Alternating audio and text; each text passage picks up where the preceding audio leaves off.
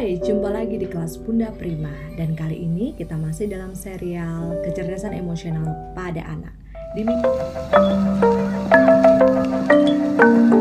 Hai, ini adalah kelas Bunda Prima. Di kelas ini kita akan berbagi bersama pengalaman dan studi tentang anak-anak. Anak-anak adalah anugerah Tuhan. Merawat mereka adalah sebuah panggilan hidup. Saya ingin mengajak semua belajar dan bertumbuh dalam kasih untuk mereka. Saya Bunda Prima, Early Childhood Specialist and Child Counselor, Edukasi Foundation.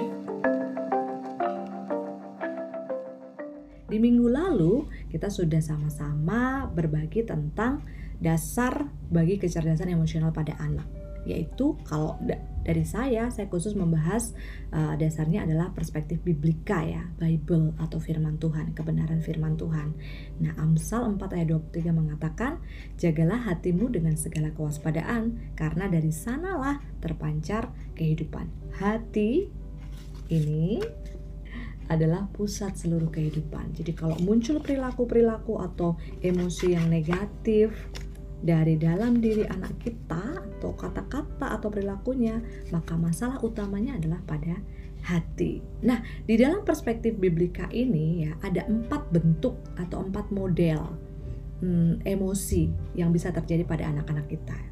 Yang pertama, ketika situasi yang dia alami itu negatif dan dia tidak mengalami, tidak dikembangkan perspektif biblika, tidak punya dasar uh, anugerah Tuhan dalam hidupnya. Maka yang terjadi emosinya adalah benci, pedih, sedih, perih dan pahit. Itulah kenapa seseorang itu bisa punya akar kepahitan ya yang yang menggunung seperti gunung es yang nggak kelihatan tapi di, di dalamnya itu besar banget. Karena apa? Tidak pernah dibersihkan.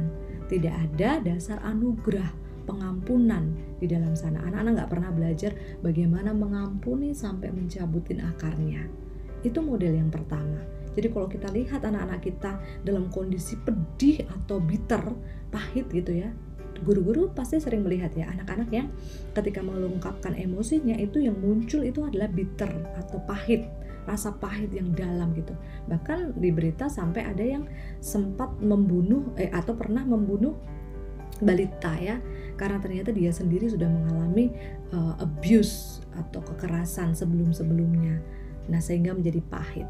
Itu model yang pertama. Kemudian model yang kedua itu ketika situasinya positif apa negatif tetapi dia anak ini berkembang dalam perspektif biblika memahami anugerah Tuhan dalam hidupnya tahu caranya mencabuti uh, akar permasalahan yang yang rumit dalam dirinya, mengelola emosinya, maka dia akan tumbuh menjadi mungkin dia tetap sedih, dia tetap pedih, dia bisa menangis, tapi emotionally healthy. Dia sehat secara emosional karena dia bisa mengungkapkan apa yang menjadi kesedihan dalam hatinya, lalu mengampuni dan kemudian merawat emosi itu.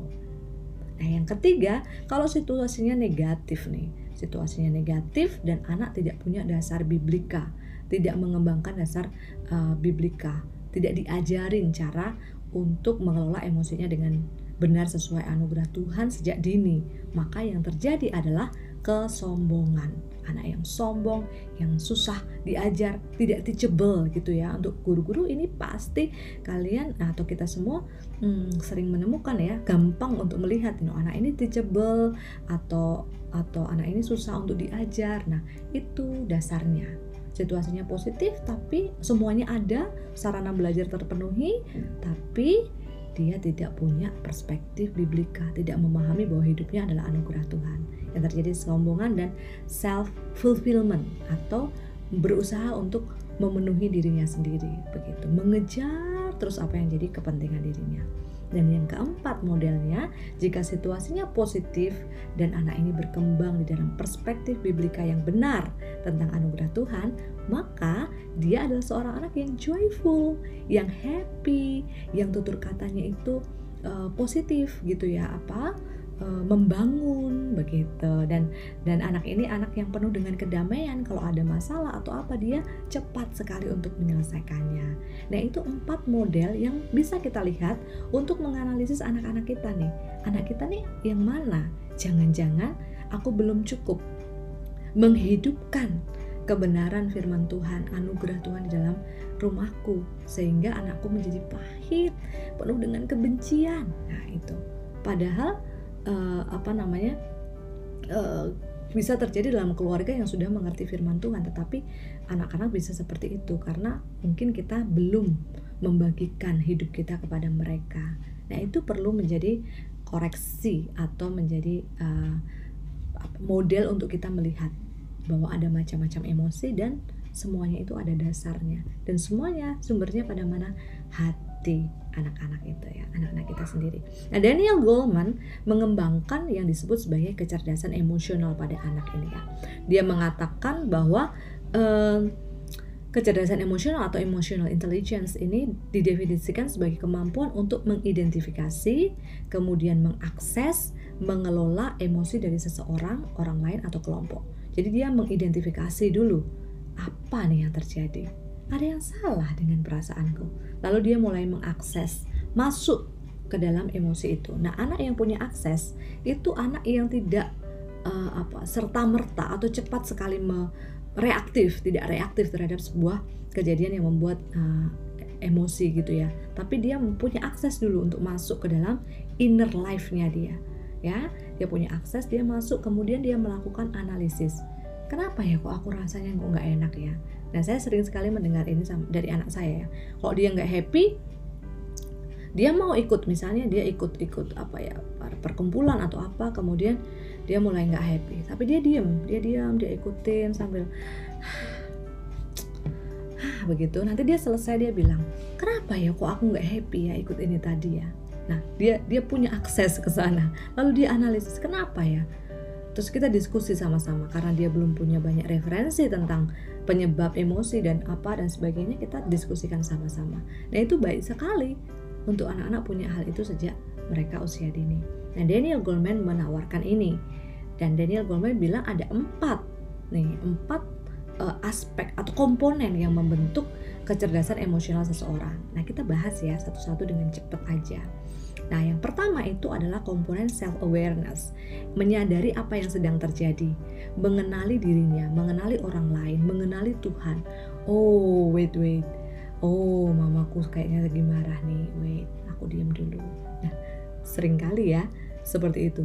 Kita mendapati waktu kita mulai menggela nafas, tapi murid-murid kita tetap aja lari-lari dan sebagainya. Ups, kita tunggu dulu. Berarti ada yang ada komponen dari kecerdasan emosional yang mereka belum lihat sehingga mereka nggak peka melihat perubahan emosi dari orang lain. Nah itu yang pertama self awareness. Ya kemudian yang kedua adalah managing emotion atau mengelola emosi. Nah mengelola emosi ini kemampuan seseorang seorang anak untuk mengendalikan emosinya dia. Jadi daripada dia cepat-cepat mengeluarkan emosinya, dia masuk ke dalam dirinya dan kemudian dikelola dulu emosi ini. Ada apa sih? Aku harus berbuat apa sih? Yang mana yang harus kuambil sih? Kenapa bisa begitu? Aku harus menyadari apa dulu? Itu managing emotion. Nanti kita pasti akan bahas detailnya ya dan caranya seperti apa. Kemudian yang ketiga itu self motivation.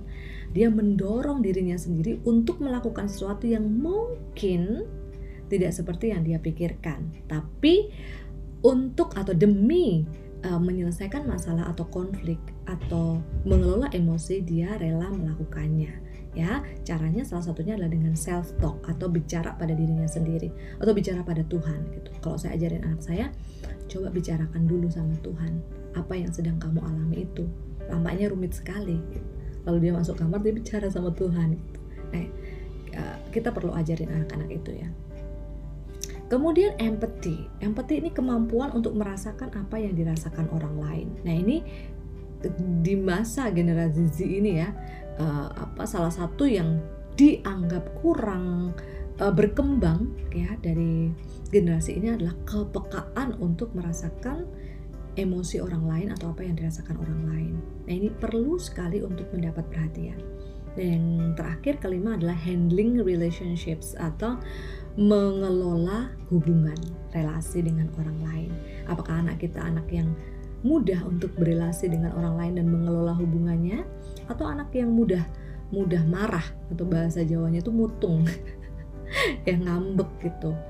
Ini nggak mau, justru gitu langsung dia pergi. Nah sering kan lihat yang seperti itu. Atau dia tunggu rasanya nggak adil bisa nggak kita bicarain dulu?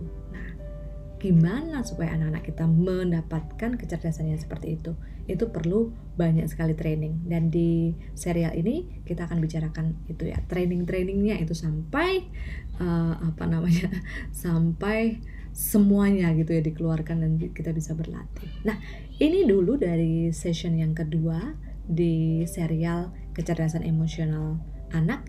Kita akan lanjut di serial yang ketiga lebih detail tentang kecerdasan emosional pada anak. God bless you.